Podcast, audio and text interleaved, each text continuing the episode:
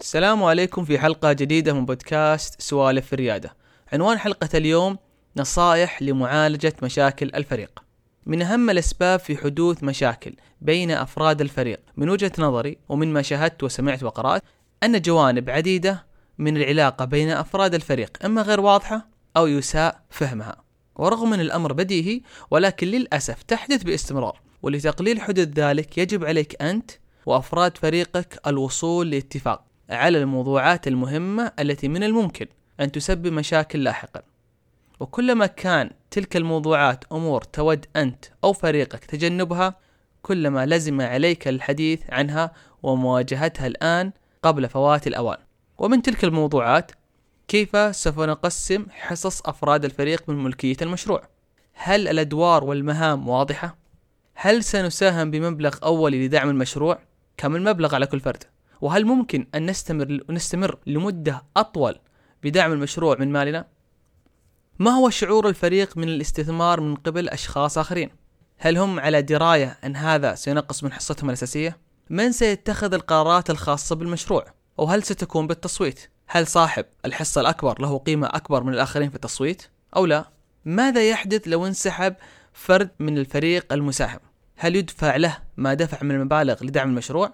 كيف سيتم شراء حصته؟ هل يستطيع أن يبيع حصته لشخص آخر ليس من الفريق المؤسس؟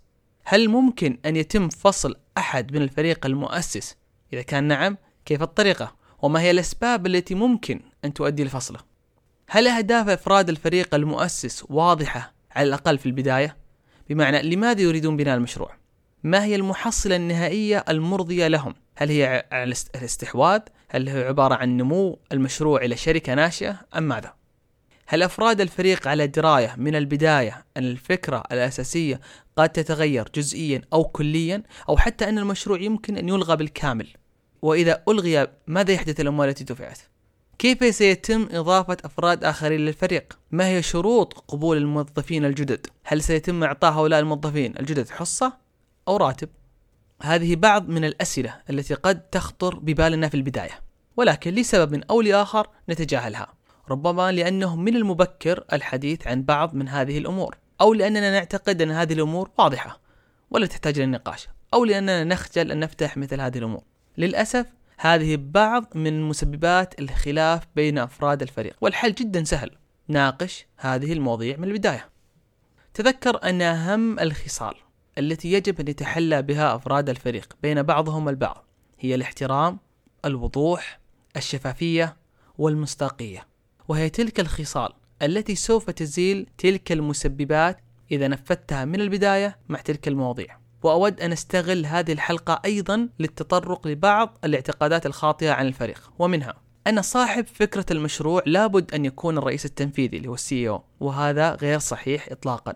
ولكن من المهم على أفراد الفريق أن يحددوا من البداية الأدوار والمهام.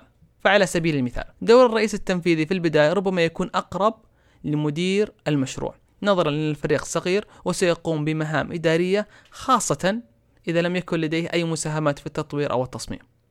صاحب فكرة المشروع أو من يشغل منصب الرئيس التنفيذي عليه أن يتخذ القرارات بفردية أو بتسلط. تذكر أنك جزء من فريق. وسلوك مثل هذا يؤدي في نهاية المسار لطريق واحد وهو نهاية الفريق. اختيار أفراد الفريق للأسباب الخاطئة.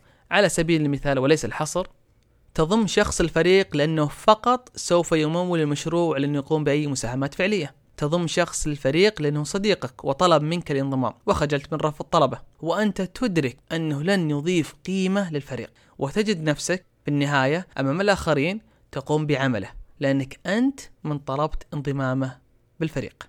تضم شخص الفريق لأن لديه معارف ممكن يساعدون الفريق ولكن لن يساهم في العمل. قد تظن في البداية أن وجود هؤلاء ضروري ومهم ولكن نصيحة حاول قدر الإمكان الابتعاد عنهم. تأثيرهم في الغالب سلبي أكثر من إيجابي على معنويات الفريق.